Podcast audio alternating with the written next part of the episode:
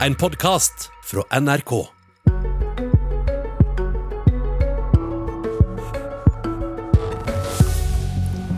Da pandemien slo inn, var det en helsebyråkrat, ikke regjeringen, som formelt stengte ned Norge. Siden har fageksperter tatt over, mens politikken har abdisert, skal vi tro jusprofessor Hans Petter Graver. Hvor er det blitt av Stortinget i denne smittevernstaten, spør han. Ja, velkommen til Politisk kvarter på denne dagen da koronakommisjonen legger fram sin evaluering av regjeringen og helsemyndighetenes innsats. Den kommer senere i dag, men i Politisk kvarter liker vi å være i forkant.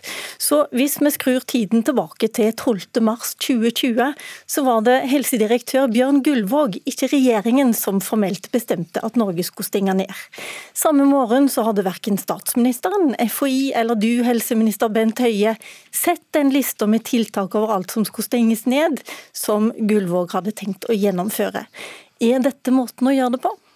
Ja, Gullvåg hadde ikke selv sett den listen på det tidspunktet, for den var ikke klar da. Men, eh, men eh, det er helt riktig at direktoratet har den type fullmakter i en helsekrise. Men som òg eh, direktoratet har vært veldig tydelig på, så hadde de ikke gjennomført den type nedstenger uten at de visste de hadde regjeringens backing. Og så gjorde jo nettopp regjeringen rett etterpå da, den endringen, at vi tok tilbake disse fullmaktene. Og alle beslutningene etterpå er jo tatt politisk av regjeringen. Og nå vil mange si at eh, dette har gått greit og dere syns det var greit, men eh, er dette måten å gjøre det på? At byråkrater skal ha så stor innflytelse? Jeg tror det er viktig at vi har et operativt direktorat under en helsekrise som kan ta viktige beslutninger for å hindre spredning av et smittsomt virus. Og så må vi Eh, nå når vi får en kommisjon i dag som også sikkert har gått inn i dette, ta en grundig diskusjon om disse forholdene òg eh, framover. Eh, men det er veldig viktig da at en ikke svekker vår evne til å reagere raskt i en krevende situasjon. Hans Petter Graver, du er jusprofessor, og du har nå laga din egen statusrapport du, som du har skrevet i Morgenbladet, der du skriver at vi har fått en smittevernstat, og at eh, politikken har abdisert. Forklar oss hva du mener med det.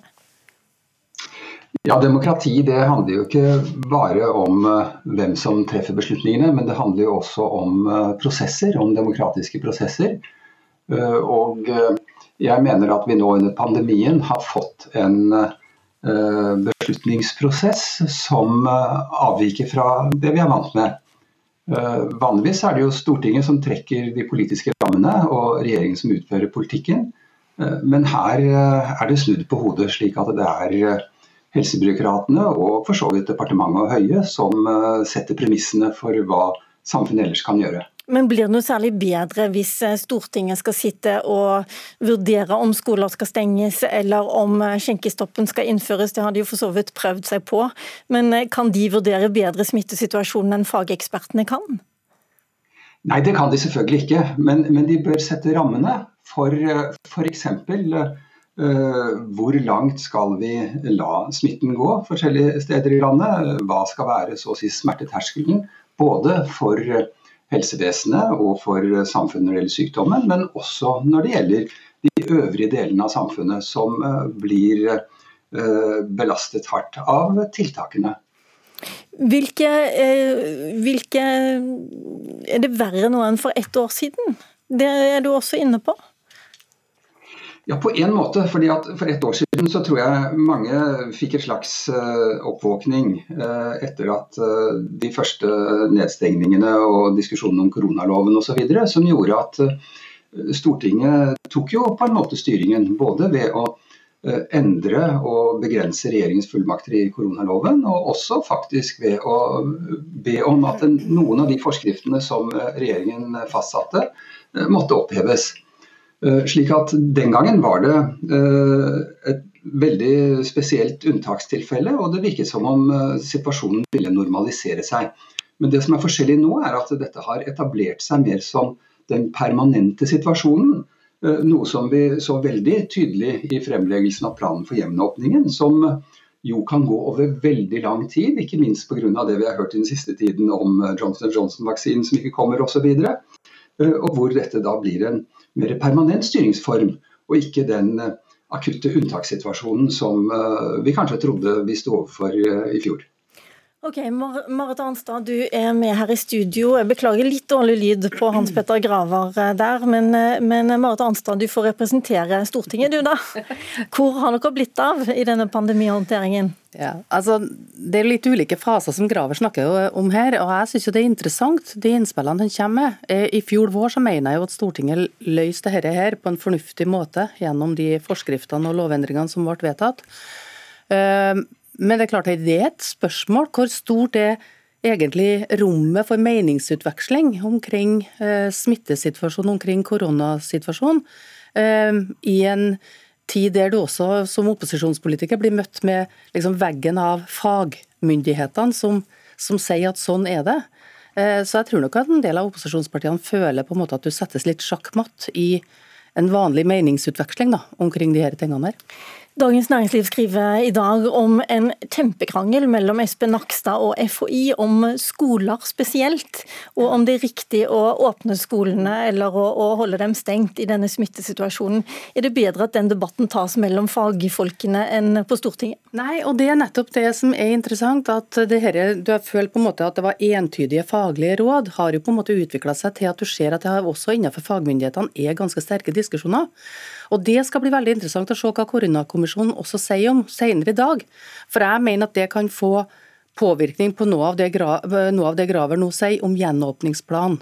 For en gjenåpningsplan er både et faglig spørsmål, men det ligger også mange skjønnselementer knytta til gjenåpningsplan som jeg syns er viktig og verdt for det politiske miljøet å diskutere. Hva da, tenkte du på? Nei, altså Holden-utvalget har f.eks.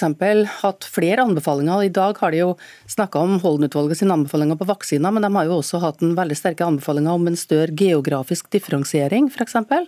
Eh, som også kunne ha påvirkning på gjenåpningssituasjonen i ulike regioner i landet. Eh, da, eller da Erna Solberg fikk spørsmål i går Bent Høie, om eh, hva skjer når vaksinene eh, settes på hold, eh, og hva betyr dette for gjenåpningsplanen, så viste hun til at eh, ja, da får vi se på de to andre aspektene, eh, nemlig smittesituasjonen og situasjonen i helsevesenet.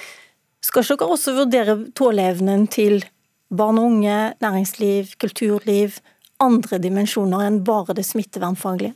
Jo, og det er jo det som òg ligger i, i bånn for eh, hele gjenåpningsplanen. Det er jo f.eks. Holden-utvalget. Det ble ikke nevnt av eh, statsministeren i går? Eh, jo, det gjorde det helt sikkert òg. Nå var ikke jeg til stede ved den pressekonferansen. Men, men eh, fordi at det ligger jo i bånd òg for det som ble lagt fram i går. Nemlig at eh, vi har en strategi eh, der vi har noen prioriteringer. Øverst på den prioriteringslista ligger forholdet til barn og unge. Som nummer to på den prioriteringslisten så ligger forholdet arbeidsplasser. og Det betyr at vi både bruker eh, vurderinger knytta til situasjonen for barn og unge, og vurderinger knytta til hva er det som betyr mest for å opprettholde eh, arbeidsplasser i Norge. Men så er det jo sånn at det er jo ikke smitteekspertene som styrer utviklingen, det er jo smitten som styrer utviklingen eh, og vurderingen av den. fordi de rådene som vi får og de vurderingene som vi sjøl å gjøre, er jo at eh, en situasjon der smitten kommer ut av kontroll, er jo det som rammer både arbeidsplasser, barn og unge og folk flest aller mest. Og Det betyr jo at vi må ha noen kriterier for å vurdere hvordan har vi kontroll på smitten. For Holden-utvalget, f.eks., som jo har sett på de økonomiske sidene, er jo veldig tydelig på at eh, det å ha kontroll på smitten er også riktig i gjenåpningsfasen. Og Da er det de tre kriteriene som statsministeren nevnte, som er de tre viktigste. og Det betyr at eh, f.eks. lenger ute i pandemien så vil eh, antallet som har gjennomgått vaksine være viktigere i den vektleggingen enn f.eks. smittetall. Det er riktig som Høie sier, at bl.a. Holden-utvalget i næringslivet sier at så lenge R-tallet, så lenge smitten brer om seg, så er ikke det bra for næringslivet heller, Hans Petter Graver? Nei, men, men, men, her er vi ved et nøkkelpunkt, og, og, det er hva er egentlig kontroll? Uh, og Etter mitt syn så er det veldig uh, underkommunisert. Altså I gjenåpningsplanen så uh, skilles det mellom tre alternativer. Det er nullversjonen, at man skal helt fjerne smitten. Og så er det kontroll, forstått som det regjeringen har lagt opp til. Og så er det frislipp, altså ingen tiltak i det hele tatt. Eh, men eh, det som jo er interessant, det er jo det ligger et vell av handlingsmuligheter og eh, beslutningsrom mellom det regjeringen har definert som kontroll, og frislipp. Altså Det er ikke sånn at det er enten-eller. Og Det er etter mitt syn et fundamentalt politisk spørsmål. Hva skal vi forstå med kontroll, og, og hvordan, hvordan, skal det forme både smittevernpolitikken og politikken for øvrig. Og Slik som det er lagt opp nå, så er det disse tre kriteriene, smitten, kapasiteten i helsevesenet og vaksinasjon, som er de fundamentale kriteriene og som ligger i bunn. Og så er det riktig at selvfølgelig så kommer hensynet til eh, arbeidsliv og barn og unge og sånn inn i vurderingen, men mitt poeng er at de burde vært de grunnleggende premissene. Og det er det man burde ha diskutert i Stortinget når eh, denne planen ble lagt frem. Marte Hanstad. Ja, De har jo gjort på en måte gjenåpningsplanen til et slags sånn bevegelig mål. Eh, det finnes, eh, vi vet, egentlig, vi vet at det finnes intervaller, men vi vet ikke egentlig når de kommer. Eh, ikke ingen datoer. Det var et veldig viktig poeng for regjeringa. Vi vet heller ikke om det gjøres noe vannskille når alle over 45 er vaksinert. Og Det betyr at det vi kan forvente oss er en full kontroll fra regjeringas side, også i forhold til andre parti. Eh, full kontroll på hele informasjonsprosessen, løpende pressekonferanser og redegjørelser der du hele tida justerer kursen. Men da må jeg bare politisk blir på en måte ja. SV har sagt at Stortinget burde bestemme gjenåpningsplanen. Har dere støtta det? Nei, altså Vi var jo kanskje eneste som var, hadde kritiske merknader til gjenåpningsplanen da mm. den ble lagt fram, eller da den ble lagt fram i en redegjørelse, for den har ikke vært behandla som en sak i Stortinget. Det har vært en redegjørelse for statsministeren. Og Da ga vi uttrykk for akkurat det, at her lar du folk leve i uvisse i ukene framover fordi at det er så få holdepunkt, og fordi det hele tida kommer til å bli justert fra regjeringa, som om regjeringa egentlig en fagmyndighet, mer enn de er også politisk, et politisk organ. Og det er litt uheldig, altså. Jeg må si det. Bent Høie. For det første så er det jo sånn at det flertallet på Stortinget ga uttrykk for at det var klokt å ikke låse seg til datoer og vurdere eh, situasjonen. Eh, og eh, Alternativet til å lage en, denne planen var jo ikke å ha en plan i det hele tatt. og Det hadde jo eh, ikke vært eh, klokt. Og så er det jo sånn at eh, vi det er jo regjeringen som er den utøvende myndigheten òg i en krise. Eh, og Det betyr at det å endre på ansvarsfordelingen, det å endre på rammene og lovverket for måten som en håndterer en krise på midt under en krise, det er ikke klokt. Og så er det helt riktig at vi i dag jo får en kommisjon, og nå har regjeringen bedt kommisjonen om å fortsette arbeidet med å evaluere situasjonen. Og Jeg er helt sikker på at det vil komme fram forhold som gjør at vi vil ha et godt grunnlag for å diskutere hvordan dette bør gjøres i framtida, og forholdet mellom storting og regjering. Og Denne type diskusjoner bør vi ta, men jeg syns ikke det er klokt. Og jeg er veldig glad for at Stortinget òg har meint veldig tydelig at eh, denne diskusjonen skal vi ta i etterkant, og ikke gjøre store endringer i måten vi håndterer krisen på mens vi står i krisen. Men eh, sånn som situasjonen er nå, så er altså vaksinene satt på pause. Eh, Johnson Johnson er stansa i Europa, og smittetallene er fortsatt høye. Faktisk så er de like høye, de er høyere nå enn det var både med første og andre smittebølge. I Oslo så er det sånn at politiet akkurat for øyeblikket ilegger bøter til folk som har tre gjester på besøk. Boten er 20 000 for verten og 10 000 per gjest. Tiltakene er strengere enn faktisk noen gang, for, i hvert fall for den voksne befolkningen.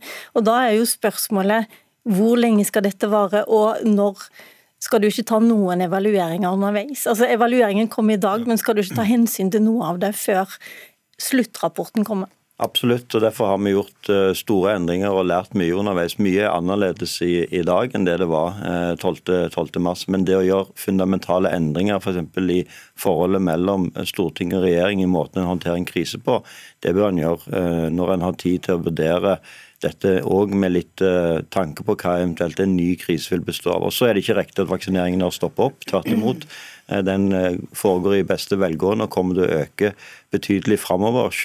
Om Leveransen av nye vaksiner må vi si har ja, eh, det, og, fått et skudd for baugen. Så er det helt riktig at Johnson Johnson-vaksinen er satt på pause, men jeg håper jo at den kan brukes òg i Europa, og det kan òg komme andre gode vaksinenyheter framover. Har du også tid til å vente helt til sluttrapporten, Marit Arnstad? Nei, altså, vi mener jo at eh, rapporten, altså at Kommisjonen må videreføre sitt arbeid, og vi mener også at vi bør ha en egen evaluering av hele vaksinestrategien. Eh, og så er jeg enig med Bent Høie at du kan ikke endre smittevernloven midt under en pandemi, men jeg er veldig skuffa over at Høyre midt under pandemien politiserer den og bruker det som en Facebook-kampanje om at Høyre gjenåpner Norge. Det trenger vi i alle fall ikke hvis vi skal ha en fornuftig gjenåpning sammen i det politiske miljøet. Der fikk du siste ordet, faktisk. For det er bare ti sekunder igjen, og det rekker ikke Bent Høie å svare på. Men jeg har en mistanke om vi kommer til å høre mye mer om fra han utover dagen. Takk til Bent Høie, Marit Arnstad. Mitt navn Lilla Sølutvik. Du har hørt en podkast fra NRK. Hør flere podkaster og din favorittkanal i appen NRK Radio.